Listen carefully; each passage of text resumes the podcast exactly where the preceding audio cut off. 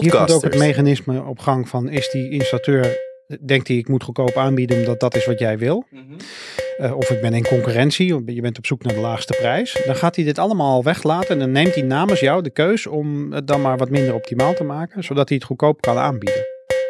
Terwijl als jij zo zegt, joh, ik wil dat het echt optimaal functioneert op comfort en op energetisch niveau. Ja, dan, dan gaat hij onmiddellijk zeggen, nou dan vervangen we alles.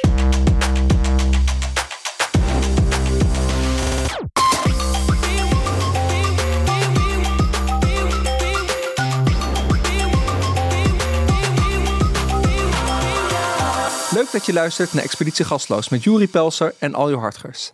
In deze podcast vertellen we alles over de warmtepomp en andere manieren om je huis te verwarmen zonder aardgas. In deze aflevering hebben we het over de selectie van de juiste warmtepomp en waar je nog meer op moet letten en aan denken als je een warmtepomp aanschaft. In de eerste aflevering hadden we het al over de belangrijkste begrippen die eh, rondom een warmtepomp bestaan.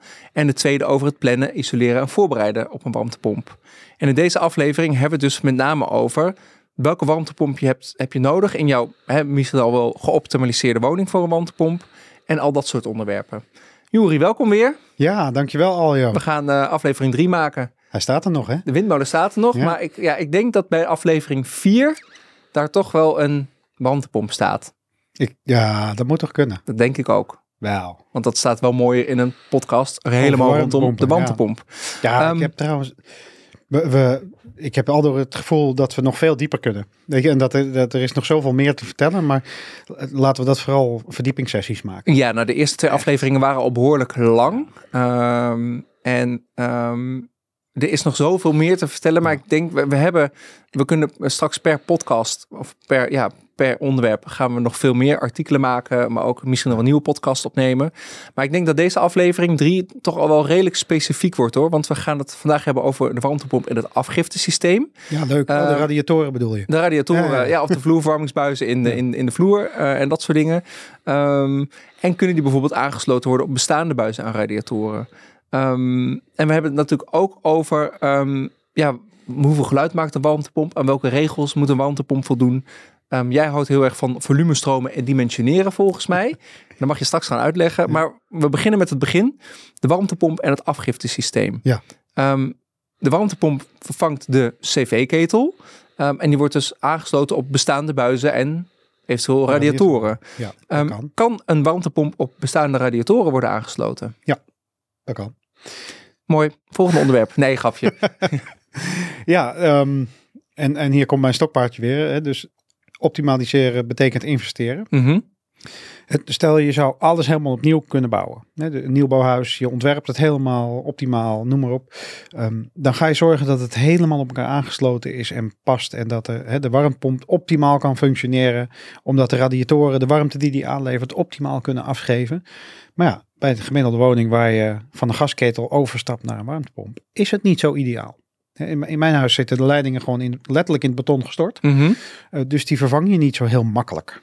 Ehm, eh, eh, mijn woonkamer is vrij recent opgeknapt. Dus ik zit niet echt te wachten op een verbouwing die nodig is om nieuwe leidingen te maken. Of eh, het isoleren van binnenuit, omdat het van buiten niet kan. Bijvoorbeeld. Dat- Mhm. allemaal van die bezwaren die je zou kunnen hebben om het optimale te doen. Ja. Nou, dat is niet erg. Hè, want het betekent gewoon dat je voor minder optimaal moet kiezen. En dat brengt wat beperkingen met zich mee over het algemeen. Of een hoger energieverbruik. Of iets minder comfort als het echt koud is in de winter. Hè, of het feit dat je mm, eh, naast de warmtepomp toch nog je gasketel erbij houdt. Of een elektrisch element inschakelt voor die hele koude periode. Mhm. En dus je kunt voor elk dilemma wel een oplossing bedenken. Maar die heeft ook voor- en nadelen. Ja. En eh, ja, En dus ook met de mogelijkheden in je woning. Hè, in deze podcast is eigenlijk mijn of onze zoektocht naar de Ja. juiste warmtepomp. Ik weet dat beneden mijn radiatoren Ja. voor een groot gedeelte direct ehm, de kruipruimte ingaan. Mhm. Eh, die gaan door de kelder naar de cv-ketel. Ja. Ja. die zijn, ik weet dat die aardig dik zijn. Maar v- vrij, vrij dik, die leidingen. de leidingen. Ja. Eh, maar die zouden ook heel makkelijk vervangen kunnen worden, Ja. mocht dat nodig zijn. Ja, Eh, leidingwerk ehm, vervangen. Hè, eh, dat is wel een stap naar optimaliseren. Mhm. Ehm, da- daar kan je twee hele goede redenen voor hebben. Eén is, het leidingwerk kan heel oud zijn en erg vervuild. Mhm. Een, een warmtepomp kan gewoon minder goed tegen vervuiling in het water dan bijvoorbeeld een cv-ketel. Ehm, daarvoor wil je dan ook weer filters toevoegen aan zo'n in het leidingwerk, waardoor je het vuil er weer uit kunt filteren. Het, het nadeel van het filter is dat je hem ook schoon moet maken eens in de zoveel tijd. Ik heb het thuis een en ik vergeet het gewoon al door. En dat is echt zo'n type zo'n dingetje wat ik in mijn agenda moet zetten. Dat ik gewoon één keer in het half jaar Ja. in mijn agenda een pop-up krijg van, oh ja, filter cv-systeem. Gewoon op zaterdagochtend half tien, net na de koffie. Het is vijf minuten werk. Ik, eh, nou ja, ik, ik, Kijk. ik heb het nu voor de vierde keer tegen mezelf gezegd dat ik dit moet doen. Ik ga dat straks meteen in mijn agenda ja, zetten. en anders dan luister je gewoon deze podcast terug. Dan krijg je Precies. vanzelf, dus- vanzelf die melding. Een nieuw leidingwerk is schoon leidingwerk. Dat is fijn voor het systeem. Nou, Ja. Je kunt je voorstellen dat als je nu met 70 graden water door die leidingen gaat, dat je met eh, dat water wat er doorheen stroomt best veel warmte kunt afgeven. Want die 70 graden kun je wel afkoelen naar 60 of naar 50. Mhm. Dus die radiator kan al die warmte eruit halen. Ja. Als je dan met 35 graden door die leidingen heen gaat. En je gaat dan terug naar 5 graden lager, naar 30 graden. Dat is bij een warmtepompsysteem een hele normale verhouding in temperaturen. Dan kun je uit die 5 graden bij die lage temperaturen veel minder warmte halen met diezelfde hoeveelheid water. Ja. Het is, jij vergelijkt dat vaak, hè, de tuinslang of de brandweerslang. ja, ja, klopt. Nou ja, om dezelfde hoeveelheid water, warmte uit het water te halen, hè, die nu door een tuinslangdikte stroomt, moet je misschien wel naar de brandweerslangdikte als je naar die lage temperaturen gaat. Hè, daar kun je prima aan rekenen. Ja. Hè, en voor een nieuw systeem doe je dat ook. En voor een bestaand systeem ja, weet je vaak niet wat er precies voor leidingwerk in ligt en waar de bochtjes zitten en hoe dik ze zijn. En dan, ja, dan moet je op basis van hè, ervaring en aannames daar iets mee doen. Ja. Ehm, maar ja, midden in de winter als het echt koud is, krijg je dus door die dunne leidingen gewoon niet genoeg warmte geperst. Dus dat betekent dat je huis langzaam begint af te koelen op het moment dat je er niet genoeg warmte meer in kunt stoppen via die leidingen en radiatoren die Ja. er zijn. Nou, dat is zo'n moment waarop je ervoor kiest om of de radiatoren te vervangen voor typen waar, eh, hè, waar je met die ventilatoren bijvoorbeeld veel meer vermogen uit vandaan kunt halen. En dan nog is de leiding de beperkende factor. Nou, dat is het moment waarop je weer naar een iets hogere temperatuur kunt gaan. Hè, Mhm. Dus de hoogtemperatuur warmtepomp of hè, je gewone warmtepomp naar het maximale brengen, waardoor het rendement daalt. Maar En je huis is- wel warm blijft. maar je huis Ja. wel comfortabel warm blijft, maar je wel meer gaat betalen omdat je nou eenmaal een slechter rendement creëert. Nou, dat zijn allemaal keuzes die je kunt maken. Ehm, maar de, de gemiddelde installateur legt dit allemaal niet uit. Hè, want dat is, ja, dat is best veel praatwerk. En praten kost Nou ja, tijd en, en, tijd kost geld. en uitzoekwerk. Want ik, ik, ik kan het heel makkelijk zien, want ik heb een kelder en daar lopen de, eh, de leidingen doorheen. Eh, maar ook Ja. op een deel niet. En ik weet dat, dat na één radiator gaat maar er zit een vertakking op. Ja, die, Ja. die is echt extreem dun. Hier, hier komt ook het mechanisme op gang van is die installateur, denkt hij ik moet goedkoop aanbieden omdat dat is wat jij wil. Mhm. Eh, of ik ben in concurrentie, of je bent op zoek naar de laagste prijs. Dan gaat hij dit allemaal weglaten en dan neemt hij namens jou de keus om het dan maar wat minder optimaal te maken, zodat hij het goedkoop kan aanbieden. Terwijl als jij zo zegt, joh, ik wil dat het echt optimaal functioneert op comfort en op energetisch niveau. Ja, dan, dan gaat hij onmiddellijk zeggen, nou dan vervangen we alles. Ja. Zo Ja. simpel is het. En dan heb je dus ook de radiatoren van de muur af. Dus weer die kale plekken achter je hè, in je behang. Of, Ai, eh, ja, en, en ga je dan kiezen voor even grote vervangende radiatoren, hè, zodat die plek weer afgedekt is? Ja. Of ga je toch opnieuw behangen? Nou ja, ja, maar van die hele praktische dingen, waar als een installateur erover moet gaan praten met je tijdens dat offertegesprek. ja. En ja, je bent zomaar een paar uur in gesprek met allemaal details en keuzes waar je weer Ja. op terug gaat komen, waar je over gaat twijfelen. Dus die installateur is dan gemiddeld enorm veel tijd kwijt aan zo'n, noem het En een- verkoopgesprek. En een hele gedetailleerde offerte, wat, wat meer tijd kost. Ja, en nou ja, dus dat is de belemmering aan de installateurskant. Ja. Hè, voor een cv-ketel, ik had de mijne een tijd geleden kapot. Mhm. Binnen een kwartier had ik, ter- terwijl die volgens mij nog in zijn auto aan het rijden was, een offerte voor een nieuwe. Ja. Want die heeft hij gewoon in zijn telefoon klaarstaan, naam erboven en versturen. ja. Voor de warmtepomp is dat anders.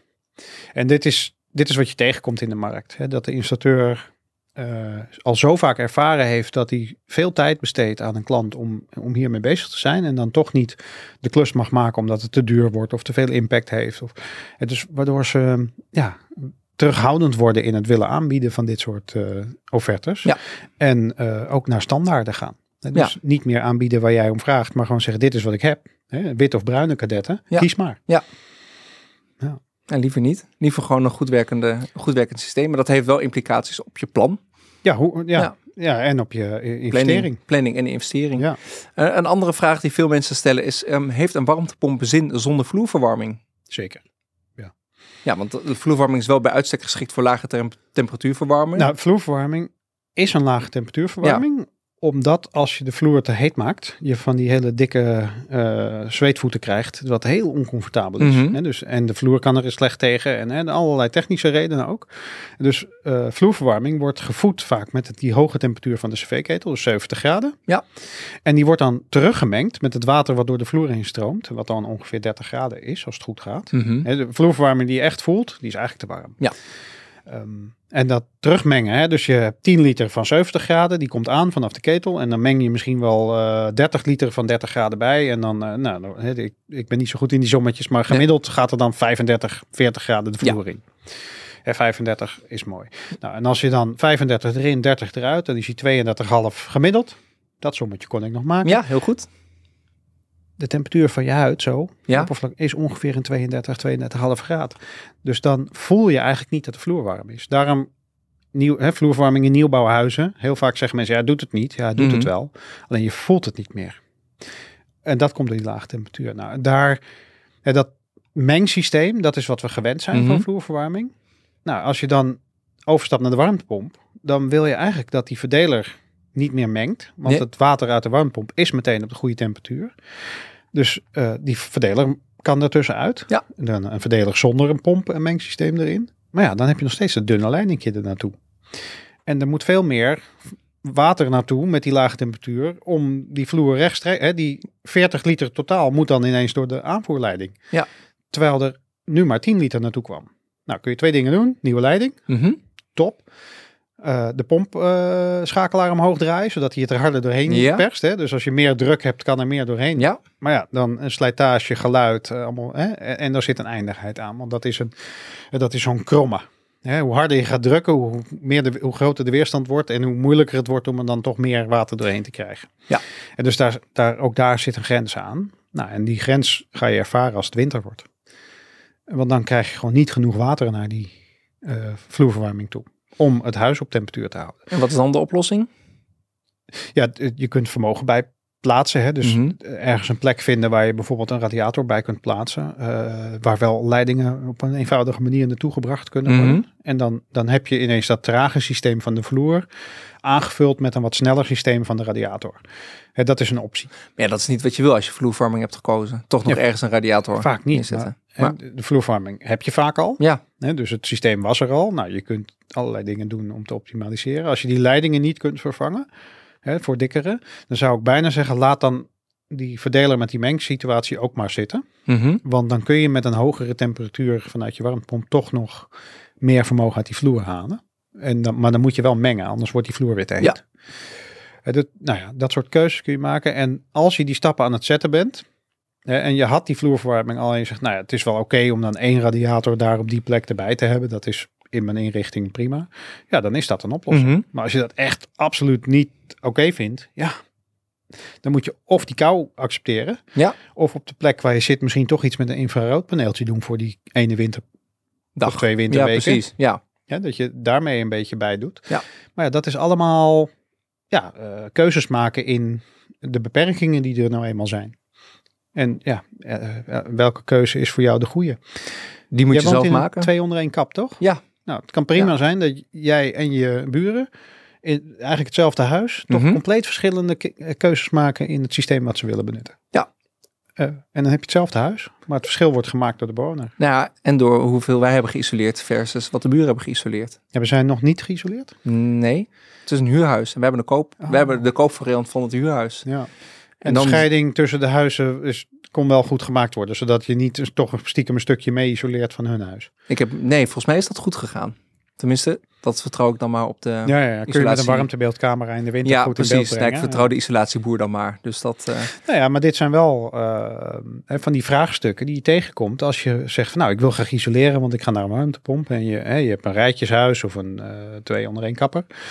Ehm, soms komt er dan een isolatiebedrijf en die, die gaat, boort een gaatje, die kijkt met zijn camera. Ja. Hè, al- als ze dat niet komen doen eh, eh, zeg dan maar, nou dankjewel voor je aanbod, maar eh, laat maar. Eh, want je wil gewoon weten hoe het in de spouw is. Ja.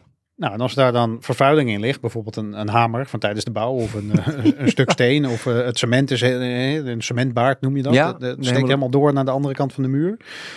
Op zo'n plek wordt het heel koud aan de binnenkant van je muur Mhm. als je daaromheen isoleert. Want dat is de plek waar de warmte gaat stromen. Ja. Dus een weg van de minste weerstand. Ja. Dus je maakt heel veel warmteweerstand met je isolatie, behalve op dat ene plekje. En daar krijg je dan die natte plek in je binnenmuur. Nou, als ze dat zien, meestal zeggen ze dan, ja sorry, hier kan het niet. Hè, eh, vervuiling in de spouw. Nou, dat betekent niet dat het niet kan, maar het betekent dat het duurder wordt, want je moet dat oplossen. Ja. En dat hè, moet je gaten maken in de muur, je moet het, eh, die vervuiling eruit halen. Opnieuw voegen, dat Ja, soort... eh, je blijft het altijd zien. De ervaring van die isolatiebedrijven is dat dan vaak de offerte niet geaccepteerd wordt omdat het te duur wordt. Ja. Soms zo duur dat het ook niet meer rendeert om het te doen. Ja, dan is isoleren, ja, levert je gewoon niet genoeg op. nee, Eh, maar dat wordt niet meer uitgelegd omdat dat weer die tijd kost die ze niet beschikbaar hebben. nee, maar dat, dat dan niet isoleren ehm, kun je voor het geld doen. Dan kun je het ook voor je comfort doen. Ja, Dus Want die koude muur, waar je blijft nu gewoon naast koud. zit, die wordt een stuk aangenamer Ja. als je wel isoleert. En dan heb je misschien daar het geld wel voor over. Ja. Maar als iemand tegen je zegt, ja sorry, hier kan het niet. En je gaat dat geloven. Ja, dan wordt jou eigenlijk de kans om je comfort te verbeteren in huis en Ja, dus- energie te besparen, wordt je ontnomen. Omdat iemand geen zin heeft om uit te leggen wat er wel voor nodig is. Ja, geen zin moet ik eigenlijk niet zeggen. De ervaring wel heeft, zin, maar dan zeggen ze eigenlijk vaak... Laat maar zitten, werkt hier niet of kan niet. En Ja. dan... kan niet. En de ervaring is, als ik het wel ga uitleggen, dan zeggen ze, oh ja, doe het dan maar niet. Ja. En eh, dan heb ik weer 20 minuten besteed aan iets waar Terwijl ik ik, toch nog, niks aan heb. terwijl ik nog nooit iemand gesproken heb die zijn muur heeft laten, eh spouwmuur heeft laten opvullen die daar spijt van heeft qua comfort. Of er nou wel of niet iets aan de hand was Nee, wat opgelost nee, moet dat- worden. Ehm, als je die muur isoleert, dan wordt die aan de binnenkant gewoon warmer, waardoor jij minder warmte afstraalt in de muur. En dat is gewoon aangenamer. Dat is eh, als je van dubbel glas eh, of enkel glas naar, eh, naar, naar triple glas gaat. Dat is alsof die muur, die, dat glas warm geworden is. Ja. Zo'n groot verschil. I know. Oh, ja, jij moet het nog, nog echt gaan testen, echt in de, in de winter. Maar zeker de, pal op het zuiden, de zon komt er ook Het zou leuk zijn als je het in de winter vervangt. Dus dat je ernaast zit. Ja, eigenlijk wel, Alles hè? eruit, nieuw erin. En dan, En dan kijken wat er gebeurt. Ja, ja, dat zou heel mooi. Nee, ga ik niet in de winter doen. Oh, Het kwam ook toevallig zo goed uit. Ehm, eh, laatste vraag over dat afgiftesysteem. Ehm, radiatorknoppen aanpassen. Eh, moet dat bij een warmtepomp? Ehm, nou ja, dus stand, niks moet. Weet Nee. je? Maar investeren, optimaliseren is ook hier weer van toepassing. Ehm, als je kijkt naar hoe we eh, dus onze systemen inregelen. Dus de hoeveelheid water die naar de radiatoren toestroomt of naar de vloer toestroomt. Je, ehm, ook hier is weer weg van de minste weerstand. Stel je hebt eh, je cv-ketel of je warmtepomp op een plek staan. En vlak daarna is kamer 1 met een radiator. Ehm, en die staat, eh, is niet goed ingeregeld. Dan gaat daar het meeste water stromen. Dus daar wordt het heel snel heel warm. Ja. En de volgende radiator, daar is al iets meer weerstand. Wat langere leiding, meer bochtjes. En die daarna nog meer weerstand. Dus er komt steeds minder water en warmte terecht bij de radiatoren waar je het wil hebben. Ja, Ehm, nou, dat, dat is het thema inregelen. Ehm, je hebt tegenwoordig radiatorkranen die kunnen zelf eh, op basis van drukverschillen de hoeveelheid water die door een radiator gaat eh, sturen. Hmm. Waardoor je ineens eh, het systeem door de kranen te vervangen veel beter ingeregeld hebt. Ja. Daar zit wel wat rekenwerk en goede instellingen achter, maar veel eenvoudiger dan wanneer je dat doet met kranen die dat niet zelf kunnen. Dus die niet dynamisch regelen, zoals dat heet. Mhm. Want dan moet je eraan rekenen en dan moet je het gaan instellen. En dan, als je dan op de eerste radiator hem wat verder dicht zet, meer weerstand. Dan krijgt de volgende radiator weer meer water. Nou, Als je Mhm. dat door het hele systeem heen goed doet, dan krijgen ze als het goed is allemaal precies de hoeveelheid water die ze nodig hebben. Waardoor ze precies de hoeveelheid warmte geven die ze dat heet waterzijdig inregelen, toch? waterzijdig inregelen. Ja. En Maar dat nou, kan met, met, een, met een...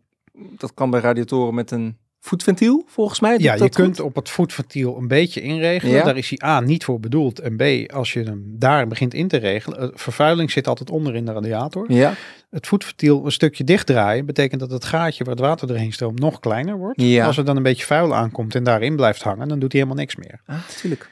En dat is waarom inregelen op een voetventiel hmm, is niet Beter beste met een... beter dan niks. Ja. Maar eh, een dubbel instelbare kraan noemen ze dat dan. Ja. die, dat is- dan is de, de kraan met de knop kun je voorinstellen. Eh en die, die zet je dan verder dicht of verder open, afhankelijk van hoe dicht die eigenlijk bij de warmtepomp of de cv-ketel zit. En hoe heet zo'n radiatorknop? Eh, je hebt thermostatische knoppen. Hè? Ja. Dat, dat is letterlijk de knop waar je aan draait. Die meet dan de temperatuur in de ruimte en die zet dan de radiator open of Ja. dicht. En de kraan waar die de knop dan op zit, Ja, dat is dan een dubbel instelbare radiatorkraan. Check. Ehm, want dubbel instelbaar slaat op voorinstelling in de standen die je berekend hebt. En de knop zorgt dan voor de open of dicht. Eh, of iets verder open, iets verder dicht op basis van de temperatuurinstelling. Hij is mij heel helder. Ja, oh wat Ja. fijn. Ja, nee, ja, j- jij zit er voor mij toch? Ja, ja. Ook. En voor de kijker. Ik, maar ik, stel, ik stel de vragen vandaag, eh, Oh, ja, nee hoor, we Ik zit zitten, hier we, zitten voor echt hier al, voor de, we zitten hier voor de kijker en de luisteraar. Ja. Ehm, dus wel, het, het kan goed zijn om je radiator, radiatorknoppen te vervangen. En de, Het kan een oplossing zijn voor het slecht eh, ingeregeld hebben van, de, eh, van je systeem. En Ja. goed inregelen is, eh, kan een flinke klus zijn. Hè? Dat, dat kost be- best wat geld om Mhm. dat goed te doen. En dan kan zo'n keuze om dan de, de kranen van je radiatoren te vervangen naar een dynamische kraan. ja, een, een stap zijn die, die, die sneller helpt dan inregelen. Ja. Maar inregelen is eigenlijk voor elke installatie verstandig. Mhm. Dat, eh, ook met je cv-ketel. Want als je hem goed inregelt, wordt hij efficiënter, gaat hij minder energie verbruiken. Eh, krijg je het wel warm op de plek waar het nu alsmaar niet warm wordt. Ja. Eh, en- maar ja, de statisch ingeregelde systemen. Doe één radiator dicht en het hele ingeregelde systeem heeft ineens een andere balans, waardoor het toch weer anders functioneert dan dat het. Het is maar Ja. voor één situatie ingeregeld. Koudste moment alle radiatoren open. Mhm. Nou, hoe vaak heb jij dat thuis? Nooit. Nee, Precies dat. ik, nee, ik denk volgens mij niet. Nee, ik zit even Ja. na te denken. Volgens mij niet, nee. Nou, je kan ook nog stap, de stap zetten naar per ruimte echt gewoon regelen. Hè? Dus Ja. dat je eh, een slimme thermostaat met slimme knoppen en, en dat die, hè, die knoppen ook eh, en die thermostaat tegen de warmtepomp zeggen, hey, ik heb in mijn eh, slaapkamer eh, van de kinderen heb ik nu warmte nodig, want dat zegt de knop op de radiator. Mhm. En dan gaat de warmtepomp gewoon aan om die warmte naar die kamer te leveren. Ja, want dan gaan alle andere radiatorknoppen gaan, Die blijven gewoon dicht. die blijven dicht. Dus die krijgen ook geen warmte. Ja. Nou, en als er dan in de woonkamer ook warmte nodig is, gaan die ook open. Ja, en dan krijgen die ook warmte. En zo'n slimme, zo'n slimme thermostaat communiceert dan ook met en de radiator en met de warmtepomp. En de warmtepomp of de Ja. ketel. Ja. Ja. En, de meeste woningen in Nederland hebben een thermostaat in de woonkamer. Ja. En die bepaalt voor het hele huis of er wel of geen warmte is. Klopt. Daar kun je dus best in optimaliseren. Daarom staan bij ons alle radiatoren boven ook al helemaal uit. Ja, die is, in heel veel huizen. Ja. Ja, behalve in de badkamer. Ja. Ja. Ehm, gaan we gewoon verder? Want volgens Ja, mij eh, hebben we hier al eh, hartstikke veel interessante informatie te pakken. Dat Ehm, wil je allemaal weten al, joh. Nou ja, weet je, ehm, stel je voor, je, je hebt al een beetje goed nagedacht over wat voor soorten warmtepompen zijn. er. Je hebt naar onze podcast aflevering 1 en 2 geluisterd. Je eh, vraagt toch eens een keer een installateur om op bezoek te komen. Ehm, ja, welke vragen moet zo'n installateur dan jou stellen eigenlijk om te bepalen, hey, snapt hij snapt hij snapt hij wat er moet gebeuren? Snapt hij zijn vak misschien wel? Of, ehm, ehm, en, en welke vragen moet jij aan een installateur stellen? En ik heb, ik heb, er, ik heb gewoon een paar op een rij gezet. Ehm, Ja. ja. want hoeveel geluid maakt een warmtepomp en waar plaats je hem? Ja. ja, het geluid eh, van de warmtepomp, hè, dat verschilt per merk en, en type weer. Mhm. Ik zeg altijd, eh, hoe kleiner de warmtepomp, hè, de buitenunit hebben we het dan eigenlijk over, hè, over het algemeen. En hoe meer geluid dat die zal produceren. Eh, Of, of je moet er maar heel weinig vermogen uit hoeven te halen. Mhm. Maar, ja, dus ehm, die warmtepomp is een warmtewisselaar met een ventilator. En daar, die ventilator perst lucht door die warmtewisselaar heen. Ja. Hoe kleiner je dat dimensioneert, hoe meer weerstand, hoe meer geluid. Ja. Ehm, ja, dus het is net als dat je ehm, met een heel klein motortje in een auto heel hard wil rijden. Dan gaat hij heel veel geluid maken. Klopt. Nou, dat geldt voor die warmtepomp eigenlijk ook. ja. Dus eh, kwaliteit kiezen gaat niet alleen over ehm, eh, merken en types en, en, en eh, de kwaliteit van het materiaal wat erin zit, maar ook over ehm, is zo'n warmtepomp, hè, we hebben het wel eens over hoe, hoe groot is zo'n warmtepomp dan, of zo'n buitenunit. Nou ja, als die veel groter is en je kunt er diezelfde 8 kilowatt uithalen als uit een veel kleiner model, dan zal die grotere duurder zijn, want er zit meer materiaal in. Logisch. Uh, maar de kans dat hij stiller is, is ook groot. omdat die veel minder weerstand nodig heeft. Hè? Veel minder lucht Mhm. hoeft te Je- je verplaatsen voor diezelfde hoeveelheid warmte een- die je eruit haalt. Ja, want Ja, je trekt lucht door een kolom heen. Ja. En hoe kleiner dat is en hoe harder die, die moet werken, hoe meer Hoe meer geluid. Hè? Ja. Dus dat is een van die aspecten. Hè? Dus als geluid echt een issue is, en dat moet die installateur in principe al kunnen zien als hij komt. Hè? Van, Mhm. Want dan gaat hij op zoek naar waar zou ik hem kunnen neerzetten. Hoe is dat ten opzichte van de buren? Waar zitten de opene ramen? Hoe is het met de tuin? Eh, hè? Dat soort aspecten. Ehm, en daar moet hij al een beetje gevoel bij hebben. En dan op het gegeven moment, hè, als je hoe goedkoper je kiest, hoe, hoe groter de kans op meer geluid. Ja. Eh, dus daar kan hij op sturen. Dat zeggen we ja, ik vermoed, hè, ik verwacht eerlijk gezegd dat geluid hier wel eens een issue zou kunnen worden. Hè? Dus dat je, als hij daaraan rekent, en dat moet eh, eh, tegenwoordig, Ja. ehm, ja, dat, dat hij er niet uit gaat komen. En daar kun je weer allerlei dingen voor doen. Hè? Je kunt nadenken over waar plaats ik hem, wanneer kunnen mensen daar dan last van hebben. hè? Als hij in de zomer staat te koelen en hij staat dan net naast het terras van je buren. Ja. Ja, dat is dan misschien niet zo'n goede plek. Maar als je in de zomer helemaal niet gaat koelen met je warmtepomp, dan, dan staat hij ook bijna nooit aan. Want je hebt dan geen warmte nodig. Hè? Alleen nog voor je boiler, Ja. voor je douchewater. Ja. Nou, dan kun je kiezen op welk moment je dat van de dag laat doen. Ik zou kiezen op het warme moment van de dag, maar voor het energieverbruik. Ja, precies. Maar ja. in de nacht vanwege het geluid. Ja. Hè, ehm, nou ja, en zo heb je allemaal van dat soort details waar een ervaren installateur zijn leergeld eigenlijk al op betaald heeft. Ja. Die heeft al een keer een, een unit moeten verplaatsen omdat het niet goed ging. Of een kast omheen moeten zetten. Ja, geluiddempende kasten. Ja. Dan wordt het nog groter van, nog lelijker. Eh, het kost ietsje aan rendement omdat hij weer meer weerstand krijgt. Ja. Ehm, je kunt ook nadenken over ehm, een, een tuinscherm van kokosmatten bijvoorbeeld. Hè, die geluid absorberen. Ja. Of een, eh, een, een Maar die kun je er ook niet, niet te dicht op zetten, omdat hij dan zijn lucht niet kwijt Nee, kan. te de, eh, minstens een meter ervan af. Geldt Ja. ook voor je begroeiing, planten, dat soort dingen. Ja. Als je een plant hebt voor, staan voor je warmtepomp, eh, die niet eh, tegen vrieskou kan, dan gaat die 's winters eh, gaat die dood vanwege de koude lucht die er Ja, tegenaan ik wou net zeggen, die trekt hem of zo. eh, En we waarschuwen we ook altijd voor bij mensen van joh, die, die unit komt hier en hij blaast uit naar je tuin. Houd er rekening mee dat die planten daar misschien niet tegen kunnen en dat die doodgaan. of lekker nog een extra koel briesje in de winter. Richting als je toch onder je verwarmde dakkapel zit.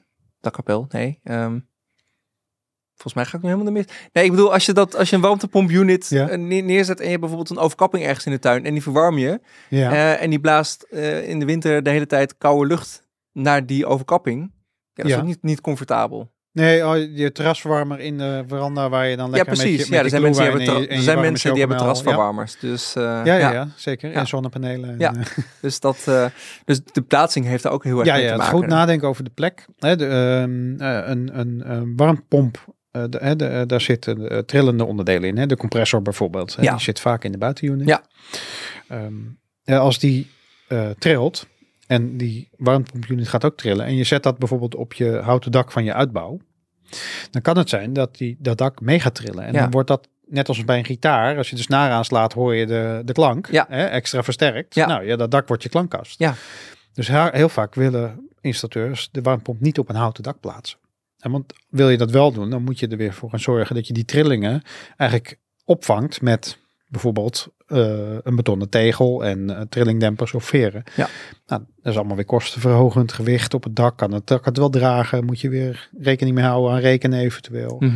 Ja, dus dat zijn allemaal factoren die tijd toevoegen in het proces van offerte maken, ontwerpen, voordat je überhaupt al een opdracht Ja, hebt. Dus er zit heel veel werk in voor die installateur ten opzichte van wat hij nu gewend is. maar ook wat als je deze podcast luistert al wel van tevoren zelf over na kan denken voor Ja. een groot gedeelte. ja, dus als jij zegt, nou, hier wil ik hem hebben, want dat is, eh, vind ik de mooiste plek. Dan Ja. zie ik hem niet. En, en dat is echt En ik heb ermee recht met de- tegenover het open slaapkamerraam van je buren boven op het houten dakje waar, je, hè, van je uitbouw die je Ja. gemaakt hebt. Ja, dan kan die installateur wel zeggen, ja, ga ik niet doen. Nee.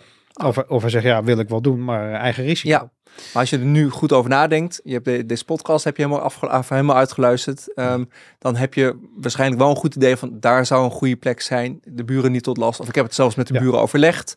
Ehm, Ik heb een eh, situatie gehad, daar stond hij naast de voordeur eh, richting eh, de voortuin uit te blazen. Ja. En dan had je een flinke voortuin en dan een stoep, parkeerplaatsen, een weg, parkeerplaatsen, eh, een heg, een voortuin, voordeur van de buren. Ja. Nou, die buurman die had eh, op dag één dat de warmtepomp daar stond, s'nachts had hij hem gehoord. Ja. was hij absoluut zeker van. De hele warmtepomp was nog niet aangesloten. Nee. Eh, wij hebben die meneer eh, aangebeld van, goh, u ervaart de, de geluid van de warmtepomp. Eh, wat interessant, want hij is nog niet aangesloten. Dus we zijn wel benieuwd naar wat u dan werkelijk gehoord heeft. Hij was zo alert geworden op het feit dat dat ding daar stond en dat hij dat misschien kon gaan horen.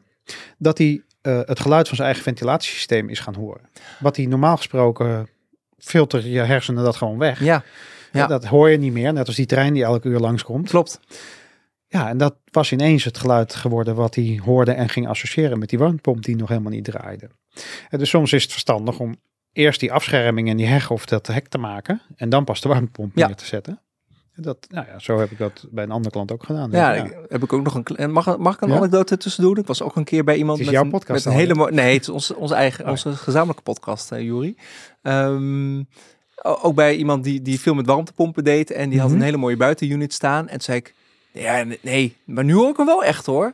Maar dat was gewoon de, de, de Betuwe, het Betuwe-route liep, Ja. eh, liep een kilometer ver van zijn, van zijn huis Het af. spoor of En snelweg. Nee, of het is gewoon een goederentrein die over het spoor rijdt. Die hoor je in de verte. Niet meer warmtepomp. En toen ging ik goed luisteren. Ach, dat klopt ook.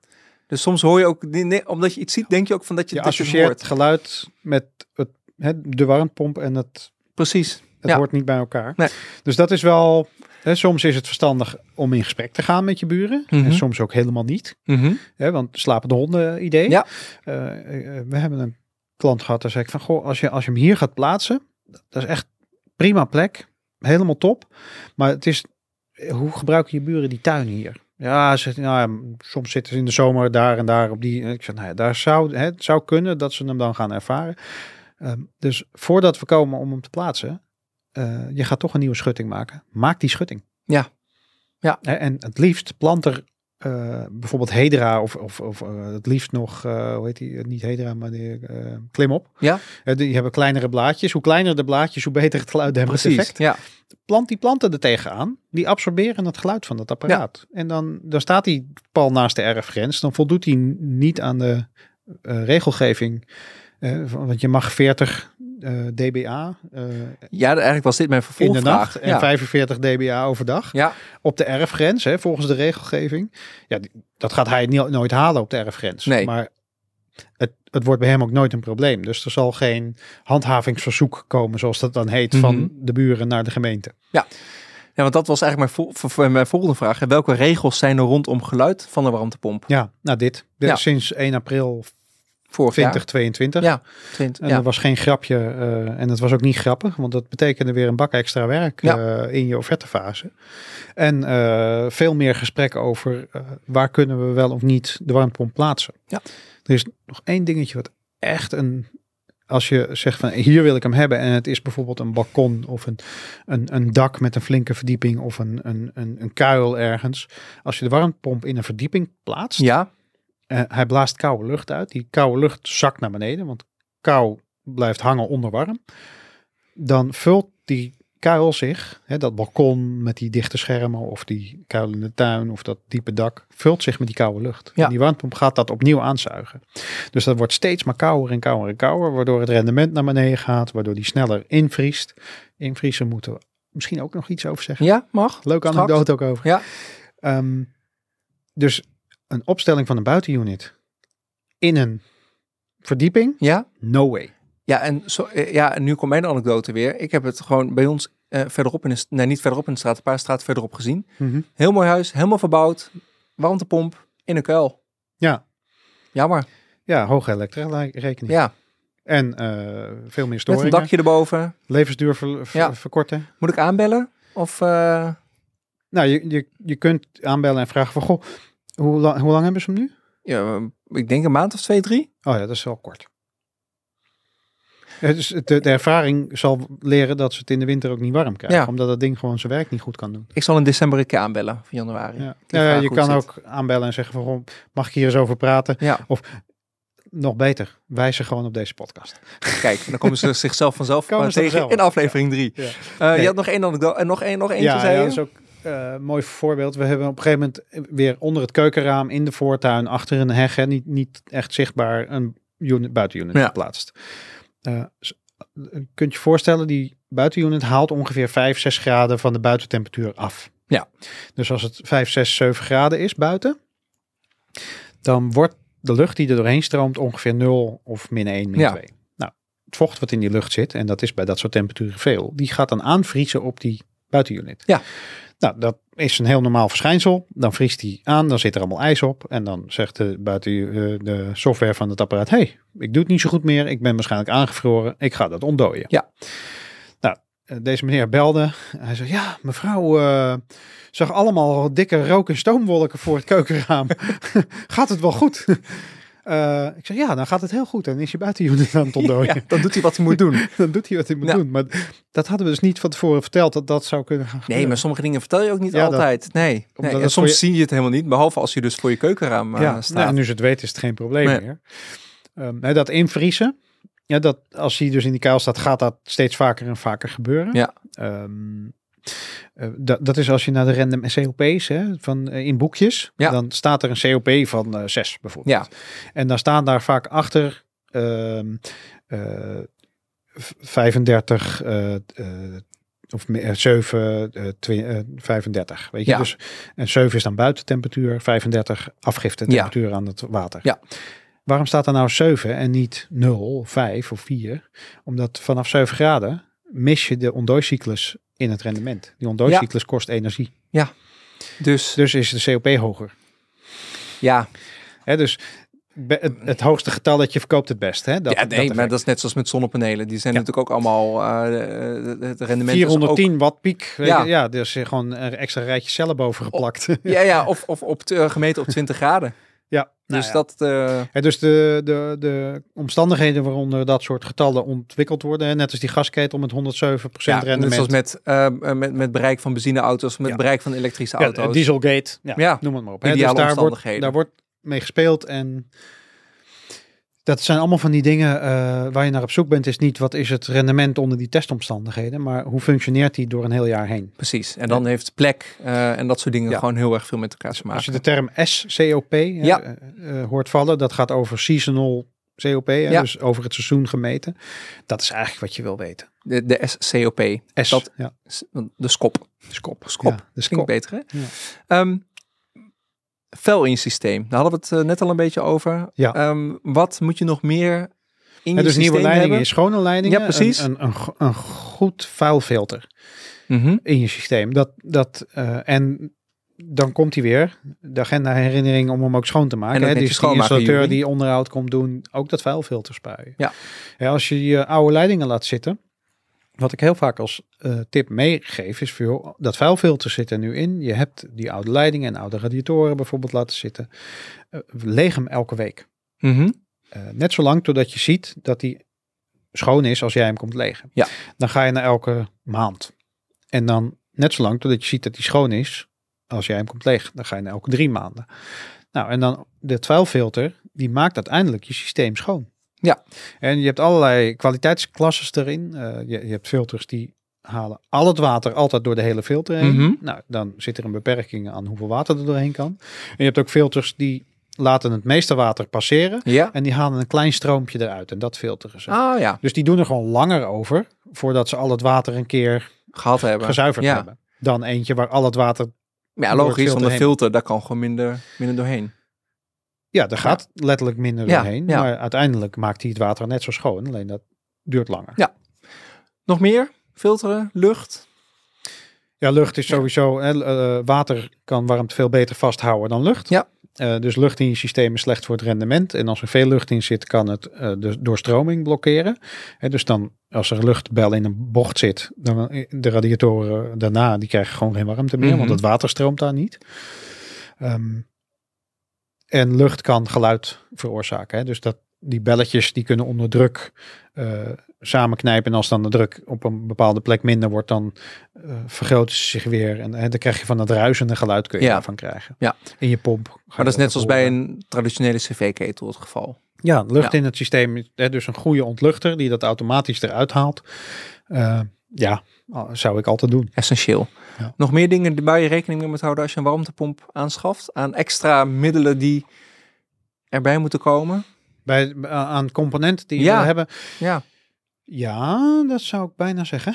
Ehm, eh, eh, eh, optimaliseren, investeren. Dus Ja. hoe, hoe robuuster je het systeem maakt, ehm, hoe beter het kan functioneren. Dus een, een buitenunit, een binnenunit, een buffervat, een boiler. Ehm, hè, het buffervat kun je, ja, en dan wordt die weer vrij technisch. Hè. Daar kun je of geen buffervat, of een serie buffervat, of een parallel buffervat. Ja, nou vertel. Kort. Geen buffervat is helder, hè? Ja. Warmtepomp, leidingje, stroomt water doorheen, komt weer terug bij de warmtepomp. Ja. Nou, een serie buffervat, warmtepomp, leidingje, buffervat, leidingje, water komt terug bij de warmtepomp. Een parallel buffervat, warmtepomp, leidingje, buffervat, Mhm. water gaat de buffervat in, leidingje eronderaan, en water gaat weer terug naar de warmtepomp. Dus het stroomt rond tussen het buffervat en de warmtepomp. Ja. Andere kant van het buffervat, leidingje, pomp, Ja, anders kan het water niet doorstromen ja. leidingje terug naar het buffervat en dan stroomt het gewoon rond in het buffervat. Daar is de buffervat is eigenlijk een scheiding tussen je huissysteem en de warmtepomp. Waardoor die warmtepomp onafhankelijk van het huis kan functioneren. Mhm. Gewoon het buffervat kan vullen met warmte. En het huis onafhankelijk van de warmtepomp warmte kan onttrekken. Nou, dat is het meest robuuste wat je kunt bouwen. Maar het vraagt dus om meer leidingen, meer buffervat, meer pompen. Ja. Dus meer investeren. En meer plek. En meer ruimte, ja. Maar dit, ehm, ik, in, zeker in het begin, eh, toen we ons bedrijf net, net startten, Mhm. eh, eh, zei ik altijd, het enige wat wij verkopen is een systeem met een buffervat in parallelle opstelling. Check. Eh, omdat ik dan zeker wist dat ik een robuust systeem aanbood en bouwde, Ja, waar ik eh, allerlei, ja, eh zou ik het gedoe noemen? Ja, gedoe ja gedoe. mee Ja. kon voorkomen. Ja. Hè, dus al die risico's op tekort vermogen, eh, ge- geen comfort in, in de winter waar je het wel wilde, hoge energierekeningen die je niet kon oplossen zonder weer in te grijpen in het systeem. Allemaal Opgelost, opgelost eigenlijk. eigenlijk. En dat is geschild gedoe voor iedereen. Ja, maar- ik vind het ook niet fijn om twee keer eh, nog extra thuis te moeten blijven omdat er iemand komt tussen die en die tijd. Hè, maar stel je gaat in een, hè, er komt nu een periode aan dat we allemaal naar minimaal de hybride op- opgestelde warmtepomp toe moeten. Mhm. Hè, de, eh, vanuit wetgeving, nou, dan ga je zien dat er enorme prijsconcurrentie op gaat ontstaan. Ja. Hè, dus dat goedkoopste aanbieder wint. Die gaat al dit soort dingen eruit laten, omdat de prijs dan lager wordt. Ja. Nou, dat zie je nu ook. Prijzen voor hybride eh warmtepompopstellingen. eh, zie je, hè, de- ze zijn inmiddels flink duurder geworden, maar je zag ze wel voor 4.500, 5.000 Ja, euro. ja. Ja, dat is, kan er wel 2,5 bij doen inmiddels, denk ik. Ehm, dat waren het vaak de systemen, uitgeklede systemen. Ja. Als je dan de adviseur, de installateur op bezoek kreeg, dan waren die klanten altijd teleurgesteld. Want het was niet 4,5, nee, het werd wel 8. Ja. Want ja, degene die daar kwam kijken, die snapte wat hij deed. En die zei, ja, dat is allemaal wel leuk, maar eh, ik wil wel dit erbij en dat erbij en dat erbij en dat erbij. Want anders eh, dan geloof ik niet dat het goed gaat werken. En die prijs kwam vaak via een website van een fabrikant. Ja. Die zei, ja, dit systeem kost ongeveer kost dat. kost dat. Maar Exclusief installatiekosten. eh, precies, want dat ding moet misschien omhoog ge- gehezen worden of wat dan ook. Verzin het Dus, maar. ja, ja, Ja, dat is echt wel een dilemma in de markt. Dat, hè, wat kost zo'n ding nou en wat Ja. komt er allemaal bij kijken? Daar, is een hoop, daar wordt een hoop naar gezocht. In ieder geval een buffervat. Leuke verdiepingssessie ook. Ja, absoluut. ja, of een artikel of wat dan ook. Oh, we hebben nog het hier zoveel te nog vertellen. mee, eh, Aljo? Eh, maar dat moet ook. Dat is ook leuk. Ehm, ja, dus eh, het, eigenlijk hebben we dan de vraag: waar moet je op letten als je een warmtepomp koopt? Helemaal behandeld volgens mij. Ja, dit zijn echt wel dingen. En, en dus stel vragen aan de installateur. Mhm. Ook dit soort vragen van, goh, hoe krijg ik nou een optimaal rendement uit het systeem? En wat, wat kost dat dan meer als wanneer ik het nou ja, op de allergoedkoopste manier laat maken? Hè? En daar, als hij daarover begint te hakkelen en te twijfelen of van die afwijkende antwoorden geeft of vertrouwt u mij nou maar, Ja. meneertje, mevrouwtje. Ja. Eh, eh, ja, dat is het moment waarop je je af moet gaan vragen hoeveel ervaring heeft hij echt. Mhm. Eh, hè, want ervaring betekent dat er lesgeld betaald is. Ja. En ehm, heel veel leergeld wordt betaald door de klant Precies. en niet door de installateur. En eh, er zijn ook zat installateurs die hun eigen leergeld betalen en daar ook toe bereid zijn. En op het moment dat er iets misgegaan is, het wel gewoon echt komen oplossen. Ja. Dat, eh, ja. En so- soms is het gewoon echt balen. Dan, dan kom je een buitenunit omwisselen omdat je gewoon een fout in de berekening gemaakt hebt en niet te klein is. Ja. Ja. En die, en die, die buitenunit bied je vervolgens met flinke korting weer aan een nieuwe klant aan waar die wel past. Ja.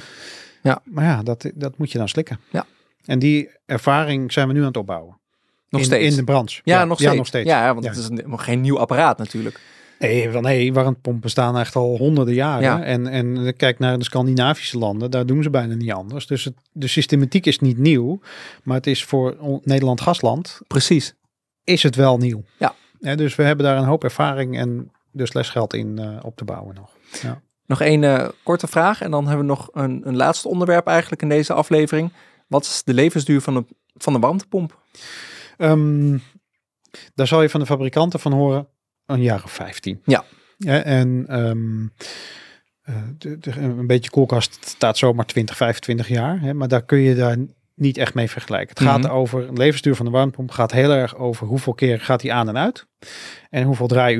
En daar hebben we het in aflevering 2 over gehad. Ja, dus kies je hem te klein, dan staat hij altijd aan. Ja.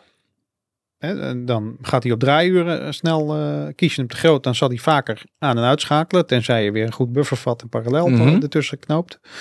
Ehm, en dat aan en uitschakelen, één keer aan en uitschakelen, kun je vergelijken met een draaiuur. Dus zes keer aan en uit in een uur. Ja. Is zes draaiuren toevoegen aan dat uur dat Aan dat hij aan uur. is. Ja. Dus da- dan gaat het ineens heel hard. Ja. Dus wat je wil voorkomen is dat die warmtepomp vaak moet schakelen. Het aangaan van de warmtepomp, dan is hij nog niet zo efficiënt als je eenmaal even draait. Hè? Net als die auto die eenmaal 100 rijdt. Hè, dan wordt hij efficiënter Ja. van. Dus elke keer aan en weer uit, dat is ook voor het rendement niet zo goed. Oftewel, gedegen keuze maken met de juiste middelen. Goeie, goede ontwerpen en goede installatie. En welk type en warm, eh, welk type en merk warmtepomp is dan het beste? Dit is een vraag die niet te beantwoorden is volgens het, mij. het maar merk van onze sponsor. Oh, die hebben ja, we niet.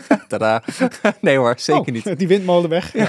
Nee, maar het, ja, welk, eh, ehm, dat is net als met auto's. Hè. Je hebt eh, merkvoorkeuren van installateurs, omdat Ja. ze eh, heel erg gewend zijn te werken met dat merk en die van haver tot gort kennen en hele goede Door hun opgeleid zijn. opgeleid, maar goede ondersteuning krijgen van het bedrijf, een goede relatie mee hebben. Als je die dan vraagt om een heel ander merk, wat ze, waar ze eigenlijk nooit meer werken, om daarmee aan de slag te gaan, ja, dat, dat kunnen ze vaak wel, maar dat betekent dat, ja, dat ze dat hè, minder optimaal is voor Ja. hun. Dan kun je misschien beter zeggen, nou dan niet de installateur om de hoek. Want ik wil per se dit merk, omdat die buitenunit erom vind ik veel mooier. ja, Soms is het zo banaal dat Ja. het gewoon om uiterlijk gaat. We zijn net mensen. nou ja, gek hè? En maar ja, dan kun je misschien beter ervoor kiezen om dat merk dan ook te kopen bij een installateur die daar altijd mee werkt. Ja, kijk, met mijn voorkeur zou uitgaan naar een, naar, een, naar een merk dat goed samenwerkt nu met dynamische energietarieven. In mijn geval. Ja, die, die eh, aangestuurd kan worden vanuit de app van jouw energieleverancier. Ja, dan of dat zelf doet, hè? Bedoel, Dan ben jij beperkt, denk ik, tot één merk. eh, Of zijn er twee, twee? volgens mij, twee of Ja. drie. Ja, Hè, dus ja, en, nou, vaak high-end merken, omdat Ja. die dan die wel dat. makkelijker die stap zetten om zulke soort eh, ja, verbindingen met externe aan te gaan. Ja. Ehm, en, maar ook eh, als je neemt nou een merk als eh, Mitsubishi of eh, Daikin of Toshiba. Ja. Grote eh, Aziatische merken. Ja, zie die voor de markt van Nederland maar eens een verandering in hun producten laten maken. Ja. En als je dan kijkt naar wat kleinere merken of lokaler verankerde merken. Mhm. En, en eh, een van de populairste cv-ketels is van Intergas. Ja. Die zijn nu een eigen warmtepomp aan het eh, ontwikkelen. Hè, die zijn heel erg lokaal verankerd en gericht op onze Nederlandse markt. Mhm. Dus die gaan exact dat bouwen wat past bij onze markt. Ja. Ja, dat, ja, dat is natuurlijk straks goud. Want hè, het- zo hebben ze hun cv-ketel ook zo populair gemaakt. Maar dat, dat kun je van een ja, eh, Mitsubishi, die voor de hele wereld levert. Hè, waar Nederland, ja, Een peanuts. schijntje is, ja. Ja, hoeveel ga je eraf nemen is de eerste vraag. ja, ja. Dat, dat. Nou ja, en, en daar kun je, hè, nou ja, daar kun je echt wel eh, met zo'n installateur ook over praten. Van oké, hè, jij wil graag dit merk leveren. Is dat voor mijn situatie nou echt, echt het slimste om te doen? Nou, en dan hè, stel zo'n vraag heel vroeg. Ja. Want op het moment dat hij al veel tijd aan je besteed hebt, zal hij natuurlijk het heel vervelend vinden om dan te moeten zeggen, ja, eh, dit merk, ja, misschien moet je toch wel wat anders kiezen. Mhm. Maar die heb ik niet. Ja. Ja, als hij dat meteen kan zeggen, denk je, nou, hup, op naar de volgende, Volgende. klant. Want Ja. ze zijn echt druk zat. Ja, hè? Ja. Dat, dat is het probleem helemaal niet, dat ze te weinig werk hebben. Nee, Als dat zo was, dan gingen ze die tijd ook wel weer aan je besteden. precies. Ehm, volgens mij moeten wij een lijstje met aandachtspunten gaan maken. Ja? Gewoon een checklist? Wil jij dat doen? Ga ik doen. Maar Top. mag jij, eh, mag jij vertellen wat ik erin moet zetten. En Oh, dan eh, maak ik een mooi lijstje ehm, voor, eh, op expeditiegasloos.nl. Ja. Lijkt me leuk en handig. Want ik ben nu ook alweer de helft kwijt. Ja, dat ik is het. mijn eigen kaartjes gelukkig. Dit maar is exact waarvoor we dit maken, toch? Ja. Dat, dat dilemma van ja, waar moet je nou allemaal aan denken en hoe zit dat, dat in elkaar en waarom krijg ik nou geen goed antwoord? En precies, precies. ja, het, het is ook een beetje gedoe. Ja, dat is het ook. Voor die Ja. installateur is het ook een expeditie. Kijk, die kunnen ook helpen, Zeker. toch? ja, als deze- wij al die antwoorden geven die hij eigenlijk niet meer kan geven omdat hij de tijd er niet voor heeft. Laat mensen eerst naar deze podcast luisteren. Kom dan maar weer terug. Ja. Is dat een goeie? Oh, dat zou een Ja, zijn. Dat is de mooi, hè? gewoon standaard zegt, oh, we willen een offerte voor de warmtepomp, prima. eerst even deze onze podcast, luisteren. Ja. Leuk. Of als je belt, dat je gewoon onze podcast hoort. Ja. In het keuzemenu. Mm. Kies twee voor podcast. Ehm, laatste vraag in, in, in aflevering drie. Wat als je cv-ketel ehm, nu bijna af, af stuk gaat en je wil eigenlijk geen nieuwe, want je bent al... in- want deze vragen eh, krijg ik heel vaker van ja, ik weet dat mijn cv-ketel aan zijn einde is, Ja, mijn 15 eigen jaar. situatie heb je het Ja, nu over. ja, jouw eigen situatie. Nee, Ja. ik heb eentje refurbished. Ehm, Heb oh, jij een refurbished ketel? ja, half refurbished. Half- Twee jaartjes oud, ook uit een huis gehaald, heb ik op, op laten hangen. Ja, Ehm, door een gecertificeerde installateur. Bijna. Ja. Ehm, veel mensen kiezen dan toch maar voor, je, voor de cv-ketel. eh. Terwijl het eigenlijk zonde is. Want dan hang je iets op waar je eigenlijk niet meer, wat je eigenlijk niet meer wil. Tenminste, een heleboel mensen niet. Een heleboel mensen ook nog wel. Dan, die luisteren vooral niet volgens mij naar deze podcast. Ehm, hoe doe je dat?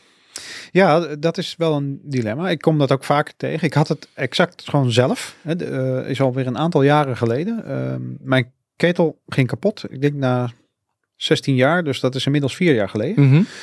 Eh, want ik woon er nu 20 jaar. Ja. Ehm, en ik, ik wist toen al, ik ga op een gegeven moment naar die warmtepomp. Dat ik dat nu alweer dik vier jaar voor me uit aan het schuiven ben. Had je deze podcast voor nodig? Sorry. Ja. sorry aarde, sorry kinderen. Ehm, maar die, die ketel was te stuk en ik moest mijn installateur letterlijk onder druk zetten. En zeggen van nou weet je prima als jij eh, niet met een eh refurbished ketel wil werken bij mij.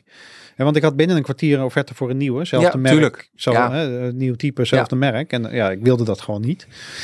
Ehm, en ik heb een kanaal richting een partij die refurbish, die refurbish ketels. Hè, Mhm. dus die, een, een ketel komt daar binnen, die wordt eh, beoordeeld, die wordt getest en dan wordt die vervolgens helemaal uit elkaar ge- gehaald, schoongemaakt, opgepoetst.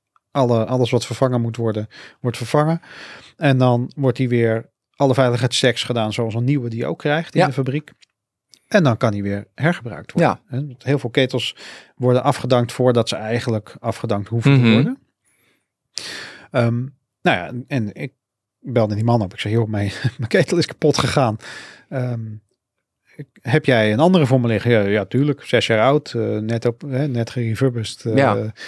als je hier bent, neem me maar mee. Hè, ik heb netjes voor betaald. Ja. Ehm, eh, en mijn installateur eh, heeft hem uurtje factuurtje voor me gewisseld. Ja. Eh, ehm, als ik kijk naar wat dat gekost heeft ten opzichte van die nieuwe die hem aan- aangeboden had. Ja, Nee. Nee. had ik misschien beter meteen kunnen zeggen, doe maar wat je, wat je goed kent. En, hè, dat is weer dat verhaal van wat, wat Aansluitingen. die standaard kan doen. Ja. Maar goed, ik, ik vind dat lastig om dan, Een nieuw apparaat. ja, dat, terwijl dat niet nodig is. Hè, de, de kans dat ik nu zes, dus hij is nu tien jaar, hè, dat, dat hij de twaalf niet haalt bij mij thuis. Mhm. En want hij gaat, als hij bij mij weggaat, gaat hij gewoon weer terug naar de refurbished locatie. Daar kan hij weer gecheckt worden. En hup, weer Kan door hij nog naar het paar- volgende adres. Ja. Nou, dat, hè, ehm, dat kan al lang. En wat je ziet is ook op marktplaatsen is er handel in tweedehands ketels. Dan, hè, die zijn dan vaak niet gecheckt op Mhm. kwaliteit en veiligheid. Hè, twee jaar oud, daar kan niet zo heel veel mee mis Nee, zijn. Hè? nee, nee. Eh, Heel veel ketels worden pas na twee jaar voor het eerst onderhouden. En dit is vier jaar geleden, dus dat is ondertussen zes, zeven jaar oud. maar ja. ik neem aan dat die onderhoud ja, krijgt. zeker. Dus er komt een installateur en die komt eh, onderhoud plegen. Dat, Ja. is, dat is van belang voor de, voor de veiligheid en de kwaliteit. Ja. En dus die, die mogelijkheden zijn er wel al, maar het ingewikkelde is, ik vertelde het al, die installateur die jouw kapotte ketel wil vervangen, die verdient aan het verkopen van een nieuwe Aan de ketel. Ja. Dus op het moment dat hij een refurbished ketel moet gaan leveren bij jou, dan moet er weer een verdienmodel in, in terechtkomen. En hij moet vertrouwd zijn met de risico's die erbij horen. Dus hij moet accepteren dat hij een gebruikte ketel ophangt. Waar eigenlijk dezelfde risico's, of misschien nog wel iets minder aan zitten, als een ketel die hij al in zijn onderhoudscyclus portefeuille heeft zitten die er ook al vier jaar hangt. Ja, precies. En want ja, wat is nou eigenlijk het verschil tussen een ketel die er al vier jaar hangt of een ketel die vier jaar oud is die je daar ophangt? Die helemaal gecheckt is. Die helemaal ja. gecheckt is. En als je niks aan gecheckt is, ja, dan snap ik het. Ja. En dan, dan, Ja. dan moet hij eigenlijk zelf die checks doen. Maar hè, dus die verandering in de markt, de installateurs die denken, ja, eh de ga ik niet doen. Eh, kan ik niks aan verdienen. Ja. En mijn installateur heeft gewoon uurtje factuurtje dat voor me gedaan. Maar die moet je dus ook maar vinden. Nou ja, Ehm, eh, en, en dus de juiste ketel zien te vinden die refurbished of goed, goed gecheckt is. ja, Maar dat is nog wel een mooie handel in, denk ik. Ja, als handel. we het, het, het, het, met het, ik, ik ben betrokken bij dit initiatief omdat de schaal waarop je dit wilt doen is een landelijke schaal. Ja. Dan wordt het een, eh, dan worden de volumes groot genoeg om het effectief genoeg te maken om het eh, goedkoop genoeg te maken. Ja. Eh, en dan richten we ons nu vooral op de woonstichtingen, want die hebben hun eigen installatiepartners waar ze in hun contractvorming mee kunnen afspreken. Ik wil gewoon dat je het op die manier gaat doen, Ja. anders krijg je het contract niet. Hè, dus Die die, hebben een massa. die krijgen dan wat, wat dwang mee. Ehm, en ze kunnen zelf ketels aanleveren vanuit hun bezit. Ja. Die dan gerefurbished weer terugkomen. En als dat op landelijke schaal kan, en dan kan een ketel die nu in Groningen hangt, die kan in Maastricht hergebruikt worden. Dus eigenlijk elke woningbouwvereniging, woningstichting die hiermee te maken heeft, bel Jury. Ja, bijvoorbeeld. of eh, mag ik het zeggen? Je mag het zeggen. www.ketelvooreven.nl Ketelvooreven.nl. Ja. Ik vind het een heel mooi initiatief sowieso. Dus ehm, check. Top. Ik zou het doen. Gaan we gewoon afronden, want volgens mij zijn we alweer eh, lekker onderweg eh, met, Ja. met deze aflevering. In de volgende aflevering ga ik het met je hebben over de verschillende offertes die je eh, gaat opvragen. Ehm, je bent dus al goed voorbereid in het maken of, of in het aanvragen van een offerte, je eigen wensen en je eigen, je eigen keuzes. Ehm, en we leggen dan ook uit waarom je bepaalde kosten ehm, moet maken en waar je bij jouw offerte dan specifiek op, op moet letten. Ik zeg, ehm, luister deze podcast in Apple Podcasts, Spotify, whatever, waar je het maar ook wil. Je kunt hem ook bekijken op Spotify en op YouTube. En ehm, dan horen we graag van jou wat je ervan vindt. Dat kan ehm, op expeditiegasloos.nl, dat kan in Spotify, maar dat kan ook op YouTube in de comments. Um, Juri, spreek ik jou de volgende keer weer bij aflevering 4. Jazeker. Heel Gezellig. graag zelfs. Tot, vol- tot volgende keer.